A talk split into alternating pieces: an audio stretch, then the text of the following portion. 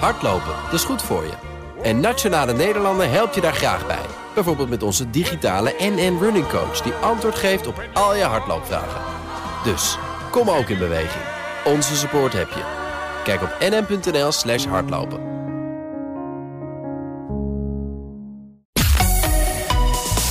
BNR Nieuwsradio.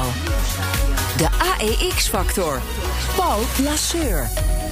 Welkom bij de AEX-factor met daarin alles over de beurzen, beleggen, vermogen opbouwen we struinen de beurs af voor het belangrijkste en meest bizarre nieuws. Van bitcoin tot Tesla, van goud tot sojabonen. Financieel onafhankelijk voor je dertigste of gewoon een zorgeloze oude dag. Het komt allemaal aan bod. En we kijken verder dan alleen beleggen in aandelen. Kortom, je bent helemaal bij als je luistert. En het panel vandaag bestaat uit Jos Versteeg, analist van Insinger Gillissen. Dag Jos. Dag Paul. Goed, goed, dat je er bent. En Emma Mouthaan is bij ons. Uh, zij is van de blog Skeren Student. Dag Emma. Ja, jij komt uit uh, Portugal tot ons. wat, wat, wat doe je in Portugal? Woon je in Portugal? Uh, nee, I wish, I wish. Ik ben hier even tijdelijk uh, een paar maanden aan het wonen en werken. Okay. En vakantie vieren ook een beetje. Ook dat er, dat er nog bij. En, en bij ons in de uitzending, waarvoor, waarvoor dank. Leuk dat je er bent. Ja, voor uh, biotechbedrijven met een succesvol medicijn longt roem en het grote geld. En met mooie beloftes lokken ze beleggers naar zich toe. En toch gaan de meesten het schip in als blijkt dat de ontwikkeling van zo'n medicijn uh, voortijdig strandt. Is biotech daarom een markt om links te laten liggen? Daar gaan we het straks over hebben. We doen eerst een greep uit het belangrijkste nieuws van de afgelopen week. Elon Musk twitterde dat Tesla geen bitcoin meer zou accepteren. 20% weg vannacht. Daar ging de hele cryptomarkt. En nu kwam China en daar kwam de volgende klap. Heftig, hè? Nou. De hele cryptomarkt, hè? tientallen procenten omlaag, de hele week al. The significant fall in the cryptocurrency. It was Elon Musk. Elon Musk declared a top. Ether is down 40%. No, it's the Chinese. Saturday Night Live. It's the Chinese, Jim. Oh, well, it's the Chinese. De Europese Commissie had de Nederlandse staatssteun aan KLM niet mogen goedkeuren. Het besluit dat de Europese Commissie genomen heeft, is gewoon niet voldoende gemotiveerd. Dus het is een beetje een Pyrrhus-overwinning voor Ryanair. De druk op Shell om te vergroenen neemt toe nadat gisteren 30% van de aandeelhouders voor een motie van Follow This stemde. Gooide het Internationaal Energieagentschap nog extra olie op het vuur met een verrassende oproep om te stoppen met het investeren in fossiele grondstoffen. Ik denk dat het vooral een signaal is van Shell dat ze uh, rekening moeten houden met het feit dat er steeds meer aandeelhouders zijn die zeggen dat is allemaal leuk en aardig, maar jullie moeten gewoon veel meer doen. De kritiek op de koers van Shell die neemt toe. Ja, Follow This, hè, dat is die uh, activistische beleggersclub. Die roept op tot een ambitieuzer vergroeningsplan. En kreeg ruim 30% van de aandeelhouders achter zich. Uh, dat, uh, ja, dat claimen ze als een grote overwinning. Jos, zie jij dat ook als een grote overwinning voor Follow This? Ik denk het zeker. Het aantal stemmers is verdubbeld. Hè. Vorig jaar, of het jaar daarvoor was het 14% en nu al 30% Als dat zo doorgaat, dan zit je zo op 60% Dus, maar ik denk uh, dat het erg goed is dat Shell daarmee enigszins onder druk wordt gezegd, gezet. En ja, het is toch wel jammer dat Shell dan uh, adviseert om er tegen te stemmen. Ja. Dat, uh... En het is trouwens This niet alleen bij, bij aandeelhouders en, en, en, beleggers, maar ook in, in de kranten, in de media, hè, internationaal. Uh, ja. lijkt, lijkt ze ook wel een beetje door te ja, breken. met een... zeg, ik, sta, zeg maar, ik staan inderdaad. En, uh, ja, ik, ik, ik vind het heel goed dat hij op deze manier die aandacht eist. En, en dat het hem ook gelukt is om, om, om zoveel druk op te voeren dat Shell nu ook zelf met een voorstel is gekomen. Hè. Ja. En daar heeft ook 11% op tegengestemd. Wij hebben zelf ook een, een fonds, hè, het SWIF, Sustainable Fonds. En Mm. de, de, de voeren we ook uh, actief beleid in. En wij hebben dan uh, ook uh, voor, voor Follow This meegestemd. Dat we het er eigenlijk Mm. mee eens zijn dat Shell te weinig doet. En zelfs ook tegengestemd tegen het, het voorstel van Shell. Omdat dat gewoon te weinig is. Ze moeten echt meer doen. Oké, okay.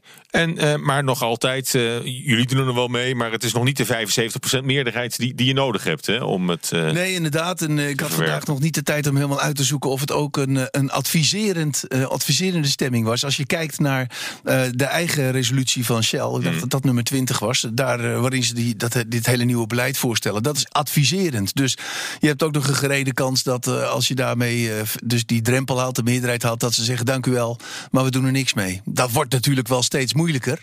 Mm. Maar uh, nou, het is gewoon heel goed dat maar, aandacht... maar, voor, maar voorlopig, hè, het, het, is aandacht uh, ervoor vragen, dat, ja. dat wel. Maar het was een adviserende stemming en dan nog, nog altijd niet die 75% die je daarvoor uh, nodig hebt. dus eigenlijk kun je zeggen, Shell kan rustig zijn gang gaan. Ja, dat, uh, dat is wel wat er gebeurt. Maar het is goed dat die druk op Shell uh, toeneemt. Want kijk, het is niet alleen een, uh, iets van een goed doel of zo. Het heeft natuurlijk ook een economische achtergrond. Mm. Kijk, als Shell daar echt he helemaal niks doet, ja, dan zijn op een gegeven moment hun grondstoffen op. Hè? Kijk, ze, mm. ze, hebben al niet zo heel veel langdurige reserves meer. Ik, ik heb niet, la, laatst niet meer gekeken, maar ik dacht dat het iets minder dan tien jaar was. Dus ja, ze worden zelf ook voor de keuze gesteld van als wij nog meer reserves gaan, gaan zoeken, kunnen we die dan nog wel uh, verkopen. Ja. Dus ja, ik, ik vind dat ze buitengewoon uh, langzaam zijn. Als je kijkt bijvoorbeeld naar een Deens bedrijf, die Deense olieproducenten, Ørsted, die in 2008 al gezegd heeft van jongens, wij stappen helemaal over op duurzame energie. En die hebben nu uh, alleen een energie van windmolens. En je merkt bij Shell, ik heb een tijdje geleden de president-commissaris gesproken, die Chad Holiday.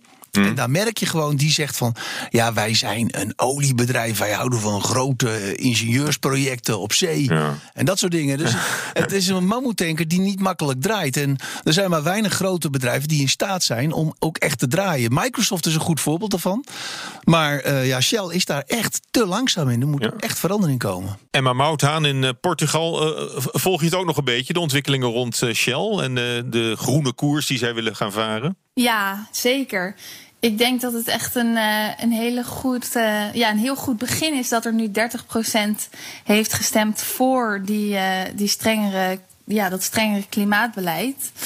Maar um, ja, wat, wat er net ook werd gezegd, Shell is natuurlijk een hele, ja, toch wel een log bedrijf. Dus um, persoonlijk zie ik niet heel snel een grote verandering, als ik heel eerlijk ben. Nee, maar heb je aandelen Shell? Nee, nee, nee. Sta, staat ook niet op, jou, uh, op jouw radar volgens mij uh, om in Shell te beleggen? Of nee.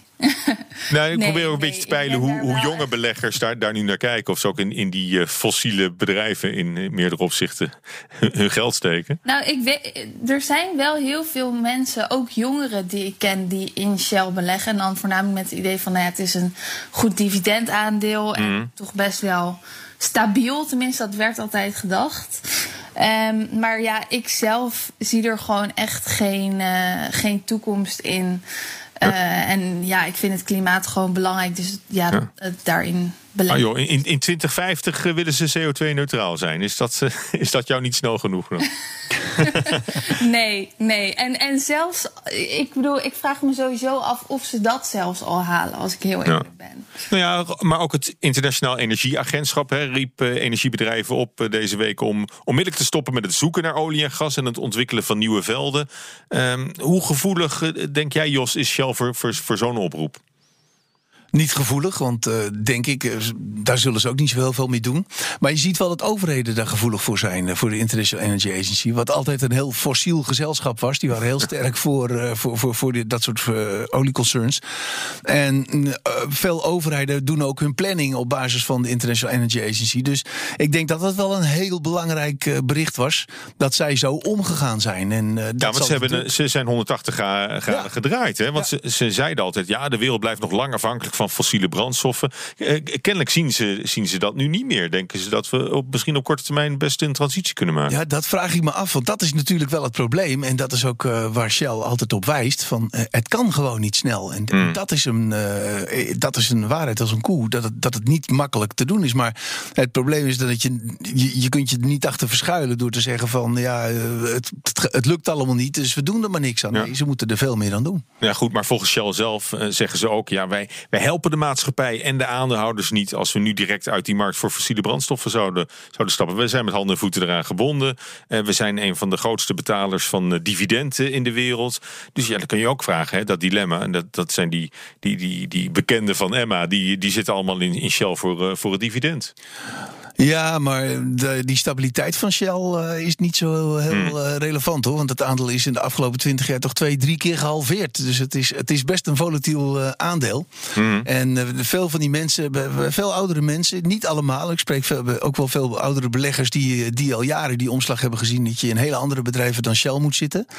Maar er zijn nog wel mensen die denken van Shell veilig en dat is de toekomst. Nou, dat is er dus duidelijk niet. Dus je moet je echt op voor, voorbereiden dat het, ja, het bedrijf zal een totaal ander business model moeten gaan ontwikkelen. En ja, daar zou ik, als ik hen was, wat meer haast bij maken. Ja, en dan niet tot 2050 nee. wachten daarmee. Nou goed, dan, dan de bitcoin. Dat is ook, dat is ook andere koek. ook ook geen heel stabiel ja. bezit, denk ik. In ieder geval de afgelopen week niet. Want die raakte in een vrije val, de bitcoin. De waarde halveerde zelfs ten opzichte van de piek een maand eerder. Toen stond de prijs op meer dan 64.000 dollar. Uh, nou ja, dat, dat was nog maar 30, hè? Ja, 30, dat ging, uh, ging, even heel erg hard inderdaad. En andere crypto's mee omlaag. Nou ja, het zijn de Chinezen, het is Elon Musk. Uh, ja, zeg jij het maar, Jos. Ja, er wordt altijd achteraf een verklaring uh, gezocht. Nou, ik denk dat, dat, dat bitcoin, dat moet je eigenlijk toch wel meer zien als een, als een aandeel. Hmm. men denkt dat het uiteindelijk, of men hoopt dat het uiteindelijk geld wordt. Maar die functie van geld heeft het natuurlijk totaal niet als het zo ja. volatiel is. Want, ja, maar goed, als, als een aandeel, bij een aandeel heb je tenminste nog een, een soort bedrijf wat, wat erachter zit. Maar bij bitcoin, ja, dat hele blockchain-verhaal. Maar dat, ja. daar, weet je, als, als de koers zo hard omhoog gaat, hoor je niemand over de blockchain. Nee. Dat, dan is het gewoon een, een geval uh, goede timing geweest. Nee, het is een, uh, het, het, je kunt het vergelijken met een bedrijf wat een hele nieuwe technologie heeft, die nog totaal niet hmm. bewezen is. Dus ja, hoe, hoe wordt het ooit een keer uh, geld? Dat weten we niet. het, ja, het, het is toch, ik zie de functie ervan wel, van als het een alternatief is voor goud. Kijk, met een paar kilo goud kun je niet makkelijk snel over de grens gaan. Maar met bitcoins kan je dat wel. Ik zie zeker een functie voor criminelen. Ja, als je, je, sleutel, als je je sleutel maar niet kwijtraakt. ja, nee, dat is dan weer een heel primitief uh, ja, nee, dat is onderdeel daarvan. Maar je kunt er mensen mee afpersen en dan kun je uh, op een ja. hele... Uh, o, niet te traceren ben je dan. Ja, precies. Het, ja. Dus daar zit er... ja, voor, de, voor de criminelen is het wel waardevol, ja. Maar goed, het was nu Elon Musk zou het, zou het op zijn geweten hebben. Want hij liet weten dat hij toch geen bitcoins meer accepteert... voor de aankoop van Tesla's. Change my mind. is, dat, is dat dan inderdaad de belangrijkste reden voor zo'n koersdaling? Dat, nee. dat Elon Musk in een, in een kwaaie bui wat uh, twittert? Ik denk het niet. De markt was heel volatiel. De aandelen gingen al flink onderuit. Er speelde het punt van dat uh, de, de inflatie zou komen. We hadden net mm. inflatiecijfers gehad. Waardoor uh, men dacht dat de rente omhoog zou gaan. Als je keek naar de 10 jaar rente gebeurde daar niks. Dus dat mm. was ook wel opmerkelijk. Maar ja, kijk, goud en, en bitcoins, die zijn. daar heb je opportunity costs. Hè, van, mm. Omdat, er, omdat je, je krijgt er geen rente op. En als er ook al geen rente op obligaties wordt betaald, ja, dan is de, de opportunity costs zijn niet zo hoog. Ja. En als dan de rente gaat stijgen, ja, dan kan ik me voorstellen dat mensen in bitcoins wel, wel zenuwachtig worden. Ja. En nog inderdaad die waarschuwing van de Chinese bank erbij. Maar ik geloof dat ze dat al eerder hadden gezegd. Maar dat erbij ja, verklaarde wel die hoge volatiliteit even. Maar dat is niet vreemd voor bitcoin, dat komt vaker voor. En uh, Emma, als uh, skere student, hoe, hoe, hoe, zit, je, zit jij een beetje groot in, in bitcoin? Uh, nou, 20 euro. 20 euro, nee, dus dat, dat, is. Uh, dat, dat is nu nog 10 of het was 40. Wat, uh... nee, ik heb er 20 euro ingestopt en het is nu 16, geloof ik. Dus ja. maar, maar ik neem aan dat in, in jouw omgeving zitten er meer mensen in bitcoins dan in Shell. Ja, dat denk ik wel. Ja, ja, ja. Maar het is ook weer niet zo dat elke jonge belegger in crypto of zo zit hoor. Ik bedoel, er zijn er ook genoeg die denken van, nou ja, weet je, ik hou het liever gewoon bij uh, indexfondsen of zo. Ja. En dan uh, die crypto, dat. Uh, wat, wat, wat, wat is een reden voor, voor misschien met name jongere beleggers om niet in, in Bitcoin te gaan of in andere crypto's? Um, nou, sowieso kennis, denk ik. Uh, voor heel veel mensen. En ook voor mij was dat eigenlijk best wel lang dat ik dacht van ja, ik heb niet het idee dat ik genoeg van crypto af weet om daar in te gaan zitten. En ja, iedereen heeft het wel over Bitcoin, Ethereum, bla Maar ja, dan is het eigenlijk wel echt speculeren. En ja, waarom, waarom zou je dat dan doen? Weet je al, wetende dat het gewoon heel volatiel is. Want dat hele blockchain-systeem en uh, dat dat misschien niet milieuvriendelijk uh, zou zijn, hè, dat, dat, wisten we natuurlijk ook al, al wat langer. Maar uh, speelt dat dan nog een, enige rol? Z zeg maar het, het, het systeem ja. erachter? Ja, ja, ja, want ik weet bijvoorbeeld dat je ook veel energiezuinigere alternatieven hebt. En die werken dan niet met um, proof of stake, maar dan proof of work, volgens mij. Of het is net andersom. Maar een van die twee die is dan een stuk milieuvriendelijker. Want dan hoef je minder ver in de blockchain te kijken of zo. Uh, om zo'n transactie, zeg maar. Oké, okay, dus dat, dat zou om die reden wat, wat stabieler kunnen zijn. Je, je kunt er ook wat positiever naar kijken. Hè? Want in, in, dan dat het half, gehalveerd is eh, in, in een paar weken tijd. Want in maart een jaar geleden stond de bitcoin nog op 5000 dollar. Nou, een jaar later op bijna 65.000 dollar. Dus hij was ook wel heel hard opgelopen. eh, dan, dan is zo'n correctie, eh, dat, dat zou je met een aandeel ook gehad hebben. Ja, het probleem is, je kunt totaal niet de waarde bepalen. Het is pure speculatie, pure speculatie. Ja. En, maar eh, wat, wat, wat denk je vanaf hier, eh, Jos? Dat hij gewoon ook weer eh, zo hard omhoog gaat als we eerder gezien hebben? dat is, als ik dat zou weten, dat zou mooi zijn. Nee, dat het is puur speculatie. Ik, je kun, ik kan er geen, geen, geen, geen woord over zeggen. Omdat er, Maar, maar eind 2017 hebben hebben we net zo'n crash gezien. Ja, precies. Dus het zou net zo goed kunnen dat mensen toch denken van dit wordt de toekomst en die gaan er weer volop in speculeren. Het is puur speculeren op basis van niets. Oké, en in hoeverre werkt zo'n crash op de cryptomarkt dan door op de traditionele aandelenbeurzen? Eh, Coinbase bijvoorbeeld is een, is een cryptohandelaar, die heeft een beursnotering. Eh, dan zie ik, eh, daar, daar zie je toch wel een effect op de koers. Maar, maar, Ja, maar dat- zie, je- dat- zie je dat breder of niet? Nee, eigenlijk is, zijn- die cryptocoins eh, heel, heel klein als je het vergelijkt met de goudmarkt. Het is een vijfde van de goudmarkt en een fractie van de aandelen- en obligatiemarkt. Dus daar is het nog te klein voor. De AEX-factor. Paul Lasseur. Net als elke week is Wesley Weerts aangeschoven om vooruit te blikken naar volgende week. Wesley, dan is onder meer de aandeelhoudersvergadering van Air France KLM. Wat staat daar voor belangrijks op de agenda? Nou, het gaat eh, onder meer over die miljoenenbonus van topman Ben Smit van eh, Air France KLM. Het gaat om die bonus van 2 miljoen euro. Nou, ons land stemt in ieder geval tegen, omdat het eh, vindt dat er in crisistijd geen plaats is voor zo'n prestatiebeloning. Zeker niet, omdat eh, uitgerekend Air France KLM vorig jaar natuurlijk dat recordverlies leed van 7 miljard euro. Nou, de Franse en Nederlandse staat die hebben het bedrijf dan ook grotendeels overeind moeten houden, natuurlijk met overheidssteun en garanties voor leningen. En Wopke Hoekstra, die vindt dat eh, ja, die bonus om die reden dan ook niet verdedigbaar is. Want ja, het is, het is niet uit te leggen aan de werknemers. Hè. Mensen raken hun baan kwijt en ondertussen zien ze hun grootste baas, hun hoge baas, die zien ze zichzelf rijkelijk belonen met allerlei bonussen. Dus hij, ja, hij vindt dat eigenlijk niet kunnen. Ehm, nou, als we kijken naar de steun die we aan KLM hebben gegeven, daar hebben we ook afgesproken ja, dat er geen bonussen worden uitgekeerd bij KLM. In ieder geval niet eh, zolang eh, die leningen, die looptijd van die leningen eh, geldt. en ook die looptijd van die garanties. Ehm, en ook is hier afgesproken bij KLM dat mensen met topsalarissen tientallen procenten van hun loon moesten inleveren. Ja, de piloten waren dat ook onder meer. Hè? Onder meer mensen in de, in de, in de top. top, dus ja. mensen die veel verdienden, die moesten ook best wel veel inleveren. Maar Frankrijk stelt op dat gebied wat minder eisen. Wel moest ook Smit eh, een deel van zijn lonen, van zijn vaste salaris in Ja, ieder geval ja. inleveren. Eh, en hij krijgt ook natuurlijk die bonus niet direct. Hij moet wel aan een aantal voorwaarden voldoen. Ook is het zo dat is, is vastgelegd dat hij die bonus pas kan incasseren als een groot deel van die staatssteun is terugbetaald. Maar het is toch ook een beetje het signaal dat je afgeeft. Je, Mhm. je bedrijf hangt grotendeels aan een overheidsinfuus. En ondertussen strooi je wel met allerlei bonussen. In ieder geval voor de hoogste baas. Maar goed, Nederland is, is mede aandeelhouder hè, van Air France KLM. En wij hebben dus de positie ingenomen die bonus van Smit eh, terug te draaien. Ja, dat is onze ambitie, maar dat gaat waarschijnlijk niet, eh, niet lukken. Want het is niet de eerste keer eh, dat wij tegenstemmen. Ons land deed vorig jaar hetzelfde. Dat ging toen over de bonussen over 2019. Eh, nou, ook toen ging het over een bonus van Ben Smit. Toen ging het om een bedrag van 8 ton, iets minder. Ehm, eh, maar ja, toen wij eh, tegenstemden, stemde de rest van de aandeelhouders, of bijna alle andere aandeelhouders, eh, wel gewoon voor. Waaronder dus de Franse staat. Eh, onze eigen Pieter Elbers van KLM, die zag overigens in de aanloop naar die aandeelhoudersvergadering uiteindelijk af, last minute, van zijn bonus. Dat had te maken met maatschappelijke druk die er was, druk vanuit de politiek.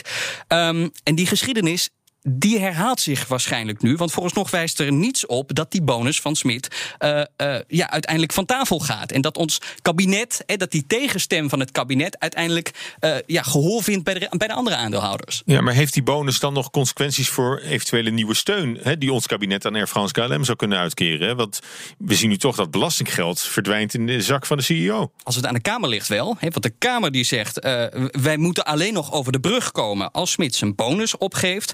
Eh, maar Hoekstra van Financiën, ja, die, die zegt eh, eh, dat die bonus, ondanks dat Smit dus extra, extra grote bonus krijgt, dat dat die, die steun niet in de weg staat.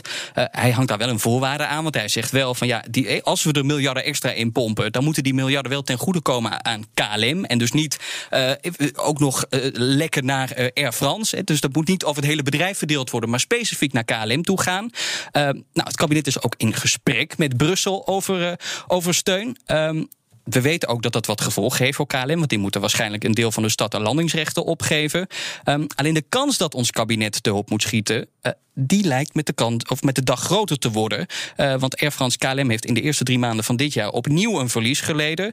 Uh, ook voor het lopende kwartaal verwacht het weinig beterschap. En dat is toch wel een domper, omdat ja, de verwachting was van er komt herstel in het tweede en derde kwartaal. We zijn gevaccineerd, kunnen we weer gaan vliegen, herstellen we. Nou, allemaal mooi. En dan hoeven we niet nog een kapitaalinjectie te krijgen. Maar die voorspelling is niet uitgekomen. ondertussen stijgt die schuldenberg, die wordt groter en groter.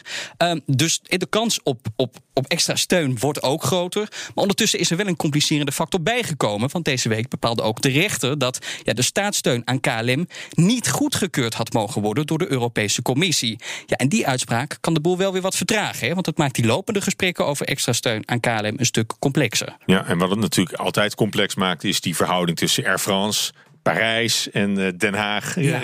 Air France KLM. Dus dat het wordt alleen maar lastiger nu wij, nu, nu wij ook nog minder stemrecht wat dat betreft hebben, omdat we ons aandeel hebben laten verwateren. BNR Nieuwsradio. De AEX-factor. Paul Lasseur. Ja, voor biotechbedrijven met een succesvol medicijn longt roem en het grote geld. En toch doet slechts een fractie mee in de Champions League. Met uh, mooie beloftes lokken ze beleggers naar zich toe. Maar de meeste van hen gaan uiteindelijk het schip in als blijkt dat de ontwikkeling van zo'n medicijn voortijdig strandt. Emma Moutaan, jij had ook belangstelling voor, uh, voor biotech. Hè? Wat, uh, wat trok jou daarin aan in deze sector als, als belegging? Ik heb zelf een, uh, een studie gedaan in die richting. Dus sowieso gewoon persoonlijk interesse eigenlijk in het onderwerp. Um, maar ja, door mijn studie kwam ik ook gewoon heel veel in aanraking met allerlei nieuwe technieken en ja, onderzoeken en zo. En ja, van daaruit realiseer ik me eigenlijk wel dat er heel veel potentie zit uh, in deze sector. Oh, de, de, toekomst van de geneeskunde, dat, uh, dat, dat zag je gewoon eigenlijk, uh, eigenlijk gebeuren bij jou in ja. het lab. Of, ja, ja. ja, een beetje, ja. ja. Nou goed, de vraag is dan of het vervolgens ook de toekomst is van de, van de financiële markt. Hè? Dat is, dat is een, een, een tweede. Zeker. jij besloot om geld te steken in, in Galapagos. hoeveel geld heb je daarin ingestoken? Dat was uiteindelijk volgens mij iets van 9000 euro, zoiets. Oké, okay, en, en op jouw totale portefeuille, dat was wel een aanzienlijk deel dan? Ik dacht uh, in maart vorig jaar, dacht ik van nou, we hebben nu de coronacrash. Ik ga bijkopen. En uh, nou ja, toen heb ik uh, misschien een beetje veel bijgekocht. Had je ongeveer de, de helft van alles, van al jouw aandelen was, was Galapagos? Een derde ongeveer. Alle ballen op uh, Galapagos. Nou, dat is niet helemaal gelukkig, uh, gelukkig uitgepakt. Nee. Jos Versteeg, kun je in een paar woorden nog, nog zeggen waar het, hoe het misging met, met Galapagos? Want dat was wel een vrij dramatisch verhaal. Ja, het grote succes van Galapagos was Filgotinib. Een middel tegen reuma en een aantal andere ziektes. En dat had fase 3 gehaald, dus was groot feest. Daar hadden ze ook heel veel geld voor gekregen van, van Gilead, een partner. Die een aantal medicijnen verder zou ontwikkelen. En Alleen ze kregen geen groen licht van de nee, Food and Drug Administration. Dat komt maar heel in weinig voor. En dat is, wel, dat is wel heel uitzonderlijk hoor. Er was ook wel een grote klap dat dat gebeurde. Achteraf, achteraf is dat is altijd makkelijk, maar hoorde ik wel van verschillende concurrenten dat de, de FDA wel moeite had met die JAK-inhibitors. Dat het principe waarop dat medicijn gebouwd is. Hmm. En het, de, de crux zat erin dat zij die hoge dosering niet konden gebruiken. Ze mochten alleen de lage dosering gebruiken. Maar daar waren er drie van op de markt al dus. De AEX-factor. Paul Lasseur. We praten over biotech en beleggen in biotech-aandelen. Daarover praat ik met Emma Mouthaan van de blog Skeren Student. En Jos Versteeg van Insinger Gillissen. Ja, de beurswaarde van Galapagos viel uh, zelfs terug naar het koersniveau van 2016 deze maand. Het bedrijf kreeg meerdere tegenslagen voor de kiezen. Je, je vertelde al, uh, filgotinib, ik moet even goed, goed ja, kijken, goed. In, in Amerika. Dat zou geen hoofdrol krijgen bij de behandeling van reuma. Was dat, was dat nou echt een genadeklap voor het bedrijf? Ja, de genadeklap zou ik niet zeggen. Het was wel een allergrootste teleurstelling. Maar ze hadden daarvoor al een eh, heleboel rechten verkocht aan Gilead. En daar hadden ze miljarden voor gekregen. Dus het bedrijf is heel speciaal. Ze, eh, ze, hebben 5,1 miljard in kas. En daarmee eh, zijn ze eigenlijk veilig. Kunnen ze nog wel vele jaren, ik denk tegen de huidige cashburn, het huidige verlies wat ze maken, kunnen ze nog wel acht jaar doorgaan.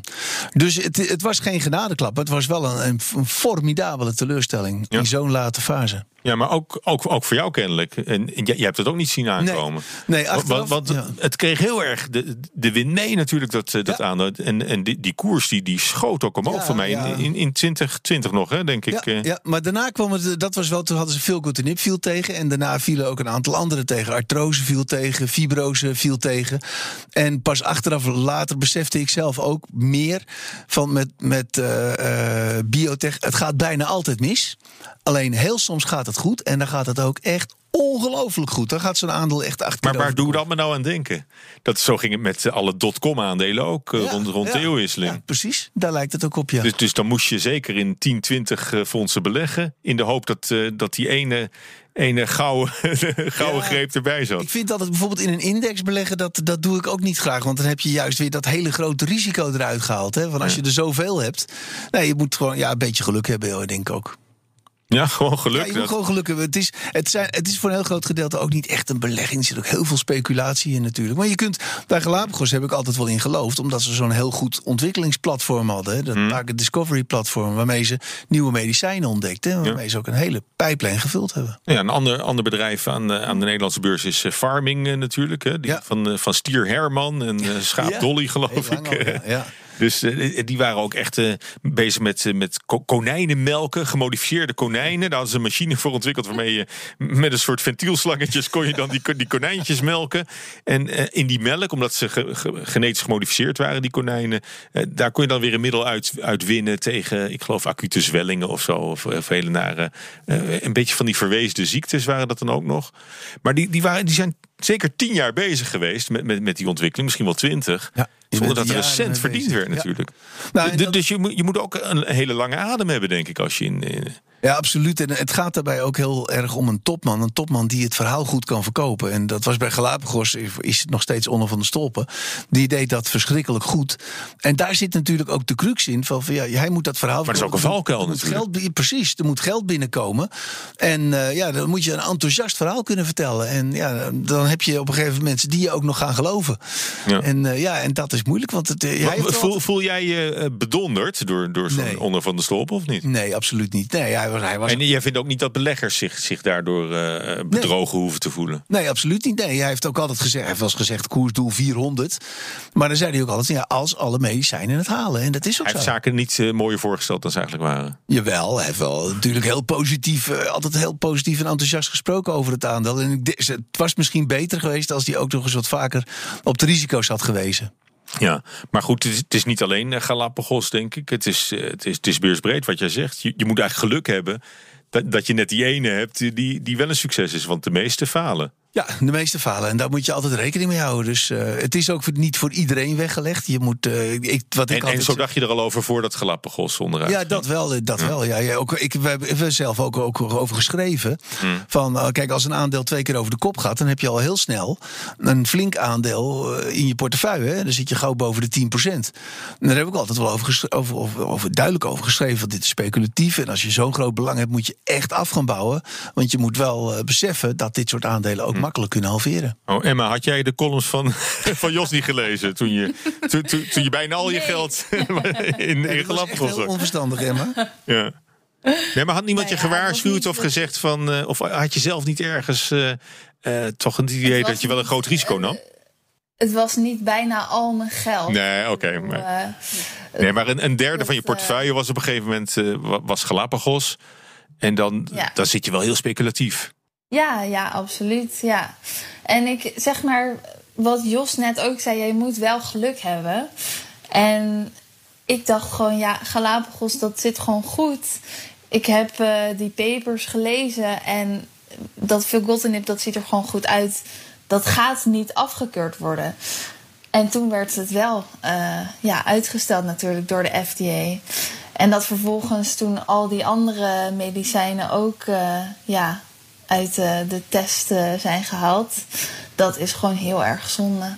Ja, het is heel erg jammer. Ik, ik, ik kan me ook voorstellen als je, als je daar zo in gelooft. Het is, het is niet, niet alleen het financiële verhaal, maar het is ook dat je denkt van uh, wat, wat, wat zonde dat zo'n zo'n medicijn er dan niet komt. Ja, zeker van artrose. Dat is echt een, een groot probleem voor veel mensen.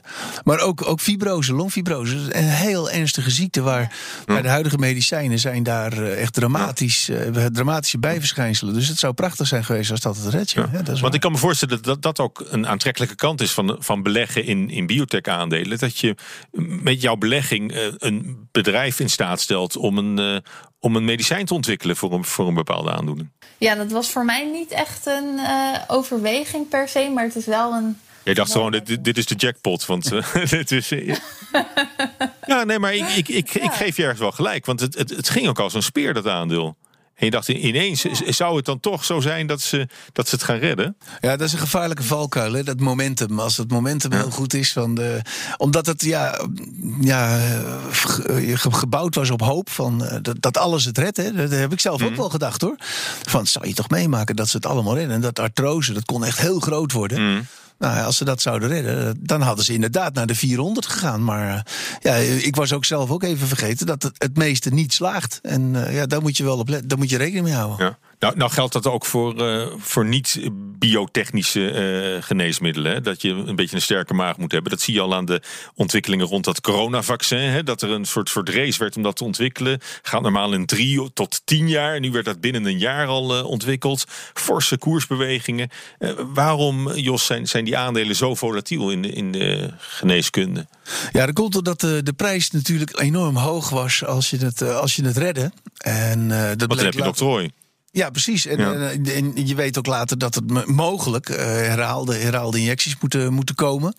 En. Uh, ja, omdat het zo ver in de toekomst ligt en, en het kwestie is van ja of nee, is het dus van ja, tussen angst en vrees leven, hè, van een heel grote winst of een heel groot verlies. En, de, en daar zie je dus dat, zeker bij een bedrijf als Moderna bijvoorbeeld, nou, dat is wel 30, 40 procent gedaald en vervolgens weer 60 procent gestegen. Mm. Dus dat is inderdaad heel volatiel. En uh, dat is een kenmerk van die, van die aandelen. Dat hoort erbij. Ze reageren vaak ook.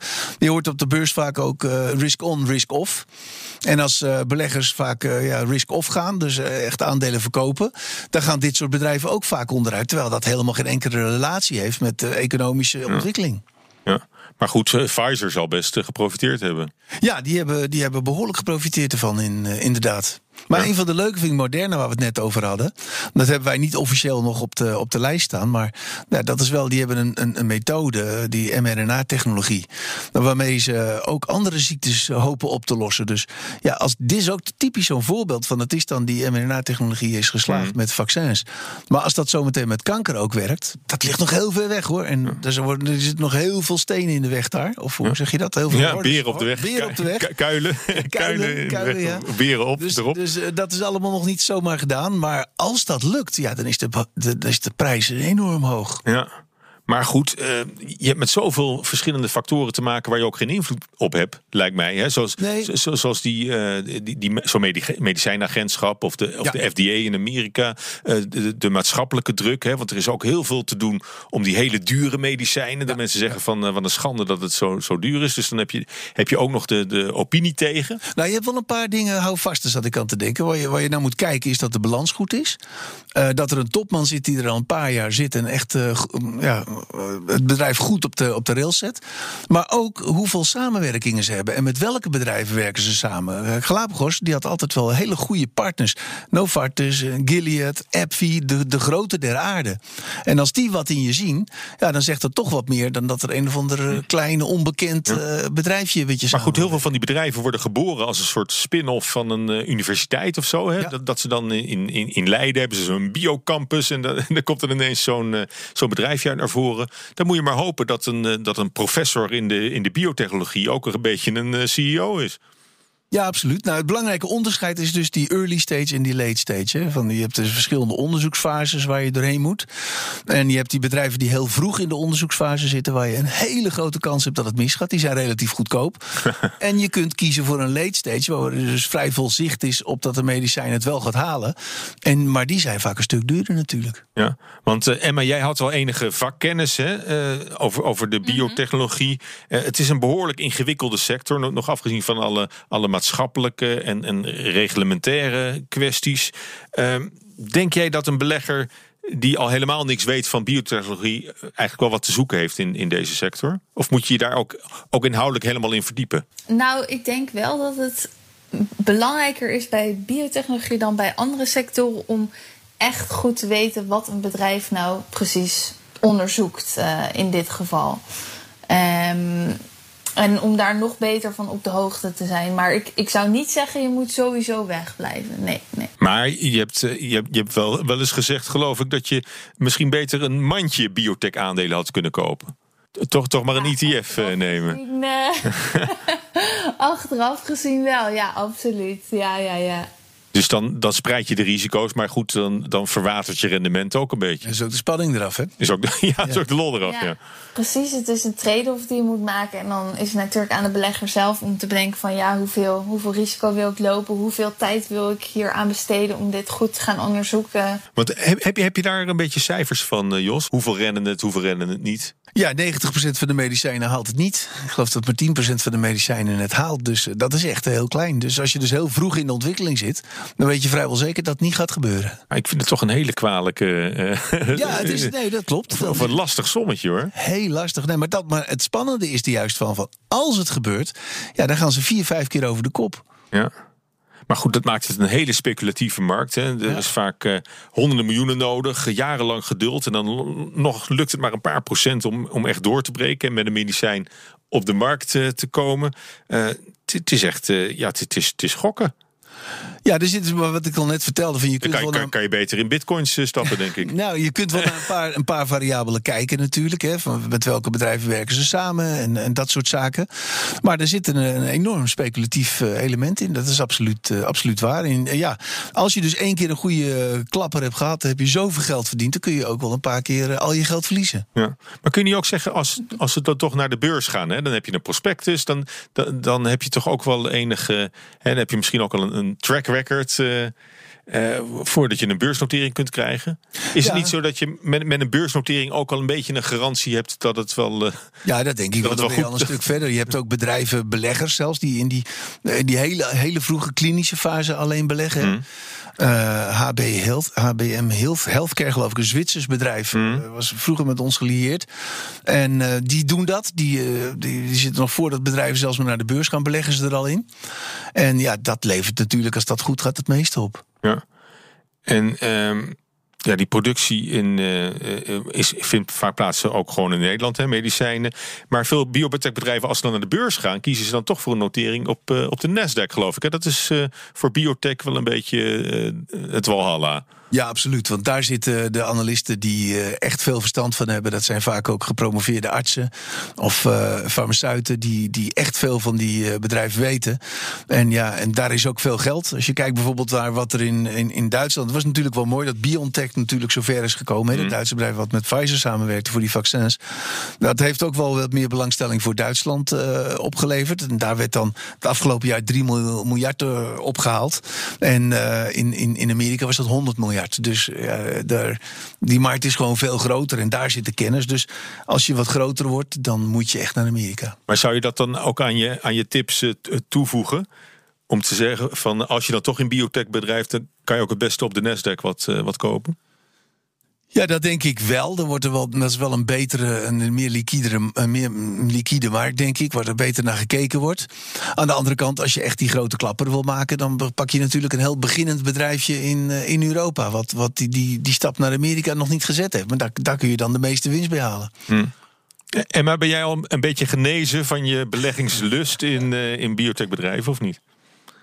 Nee, nee, zeker niet. Nee, ik denk nog steeds, uh, ook al is dan Galapagos een beetje een, uh, een, flop gebleken, tenminste tot nu toe. Wie weet wat ze in de komende ja, jaren nog met uh, al dat geld gaan doen.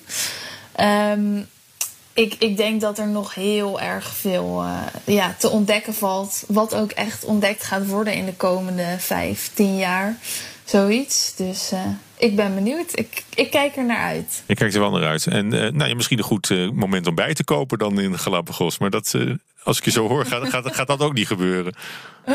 Nee, nee ik, ben, uh, ik heb uh, een paar maanden geleden heb ik mijn Galapagos-positie uh, helemaal geliquideerd. Want ik dacht, ja, er is nu zoveel afgekeurd en alles wat ze nu hebben, dat is nog zo ver weg.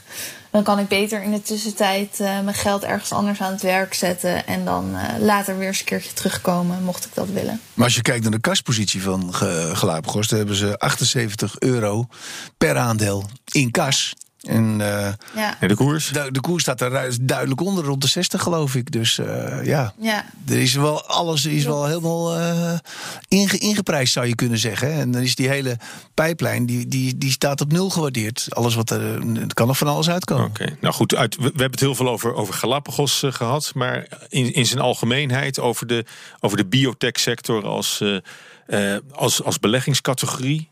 Wat, wat, wat, hoe zou je dat samenvattend kunnen, uh, kunnen ja, het doen? Is, het is echt voor een belegger die, die er, ik denk ik, toch ook wel wat verstand van heeft. Die, die zich erin wil verdiepen. En uh, ja, het heel spannend vindt om ja, één keer zo'n enorme klapper te maken. Dat je drie, vier keer over de kop gaat. Want dat kan nog wel. Dat kan zeker, ja. Dat kan er zeker. zit er altijd eentje tussen Ja, die, het, ja. die het helemaal gaat. En dat is natuurlijk ja, reuze spannend. Ja. Goed, we sluiten af met een luisteraarsvraag. Deze week komt die van Kevin uit België. Die gaat niet per se over biotech, maar over welke financiële ratio's en kerngetallen onze analisten aanleggen om te bekijken of ze een aandeel moeten aankopen of wanneer ze een aandeel al hebben of ze het moeten vasthouden. Nou Jos, wat, wat, wat is voor jou nou altijd, uh, welke ratio uh, pak je er altijd meteen bij? Nou, waar je altijd naar kijkt is het return on capital employed. Eigenlijk het rendement over het geïnvesteerd vermogen. Als dat helemaal pet is, dan is het bedrijf niet goed bezig. Daar gaat het eigenlijk om. Hè? En, en wordt die ratio als zodanig ge gepubliceerd door bedrijven? Ja, of moet je, moet, altijd... je zelf met je rekenmachientje? Nee, die staat altijd in het jaarverslag. Maar dan moet je altijd wel even controleren hoe zij hem berekenen. Maar je, kunt hem ook, je kunt hem ook zelf berekenen. En um, ja, dat is natuurlijk... Return on capital employed. Return on capital dat is het belangrijkste voor, voor een bedrijf en voor de waardering ook. Alleen, ja, verder, in die, die kengetallen, dat zijn altijd getallen uit het verleden. Hè. Dat is natuurlijk het, het probleem, vind ik. Mhm. Terwijl je als belegger naar de toekomst moet kijken. Dus ik vind zelf, kijk zelf altijd heel sterk naar van uh, uh, welke ontwikkelingen maakt het bedrijf door ten opzichte van de concurrenten. Van, heeft het een markt waarin het zich heel goed kan beschermen en verdedigen? En, en, en verder kijk je natuurlijk over de, over de, uh, de aantal jaren van hoe de groei is. Neemt de groei toe, dus de tweede afgeleide, of zwakt de groei af?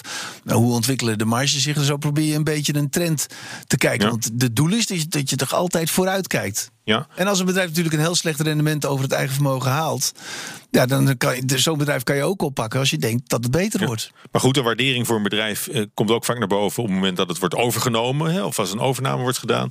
En dan kijk je wel naar, eh, naar, naar hoeveel keer de winst bijvoorbeeld eh, betaald wordt. eh, ja, voor- dat is wel, dat is wel een, eigenlijk een eh, rule of thumb. Hè, dat je even zo snel kijkt naar de Maar dat is toekomstige koers-winstverhouding. Ja, dan kijk je naar de, koers-winstverhouding. winst van het lopende jaar. Maar nou, dat is eigenlijk niet de allerbeste hoor. Want eh, ja, je, dat, dat is zo, je moet eigenlijk naar de komende jaren daarna ook kijken. Het is een hele snelle manier om even te kijken naar de waardering. Dividendrendement kan je natuurlijk ook Ja. eh, en gebruiken. koers-winstverhouding, dat is dan voor verschillende sectoren, kan die heel verschillend zijn. hè? Ja, dat ook. Ja, maar je kijkt maar naar één jaar. Hè? En eh, die, die jaren daarna, die zijn het. Kijk, wat, wat wij altijd zeggen onder, on- onderling.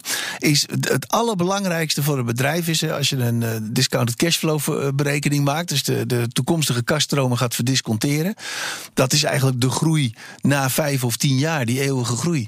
Daar zit de waarde van een bedrijf. En dat vergeten heel veel mensen eigenlijk. En dat merk ik ook vaak bij analistenbijeenkomsten. dat analisten vragen stellen over het lopende kwartaal in eh, volgend jaar. En dan denk ik, ja, dat is eigenlijk heel, helemaal zinloos. Het gaat erom van wat het bedrijf op de langere termijn, hoe het bedrijf er over vijf of tien jaar voor staat. Daar gaat het om. Oké, nou dat lijkt me voor Kevin al een, al een heel aardig eh, antwoord. Eh, Emma, heb jij daar iets over te zeggen? Oh, heb, heb, je, heb jij bepaalde ratio's, kerngetallen of eh, win- wi- koers-winstverhoudingen? Z- zijn er dingen waar je, waar je ook naar kijkt? Ik kijk er wel naar, maar ik. Of jouw alter ego, de skere student? Of die, ik kijk er zeker naar, maar ik, ik ben niet zo'n expert als, eh, als Jos. Dus. Eh, nou ik vond het toch heel fijn dat je erbij was. Je bent in ieder geval ervaringsdeskundige met het beleggen in, uh, in biotech. Het is nog niet zo'n hele goede ervaring geweest, maar ik, uh, ik, ik, ik, wens je toe dat, uh, dat die klapper er nog een keer, nog een keer in zit. Hartelijk dank dat, je, dat je erbij was. Emma Mouthaan van de blog Skeren Student. En Jos Versteeg, analist van Insinger Gillissen, was, was hier ook. Dank jullie wel. Dit was de AIX-factor. Ik hoop dat je volgende week vrijdag weer luistert vanaf 7 uur op de radio. En dan ook direct beschikbaar als extra lange podcast. En heb je voor ons die gouden beleggingstip of heb je iets gehoord waarvan je wilt checken of het wat is? Laat het ons dan vooral weten. Stuur een mailtje naar aexfactor.bnr.nl. Of heb je net als Kevin een vraag voor ons panel? Dan kun je ook een mailtje sturen naar datzelfde adres. Tot volgende week. Hardlopen, dat is goed voor je. En Nationale Nederlanden helpt je daar graag bij. Bijvoorbeeld met onze digitale NN Running Coach... die antwoord geeft op al je hardloopvragen. Dus, kom ook in beweging. Onze support heb je. Kijk op nm.nl slash hardlopen.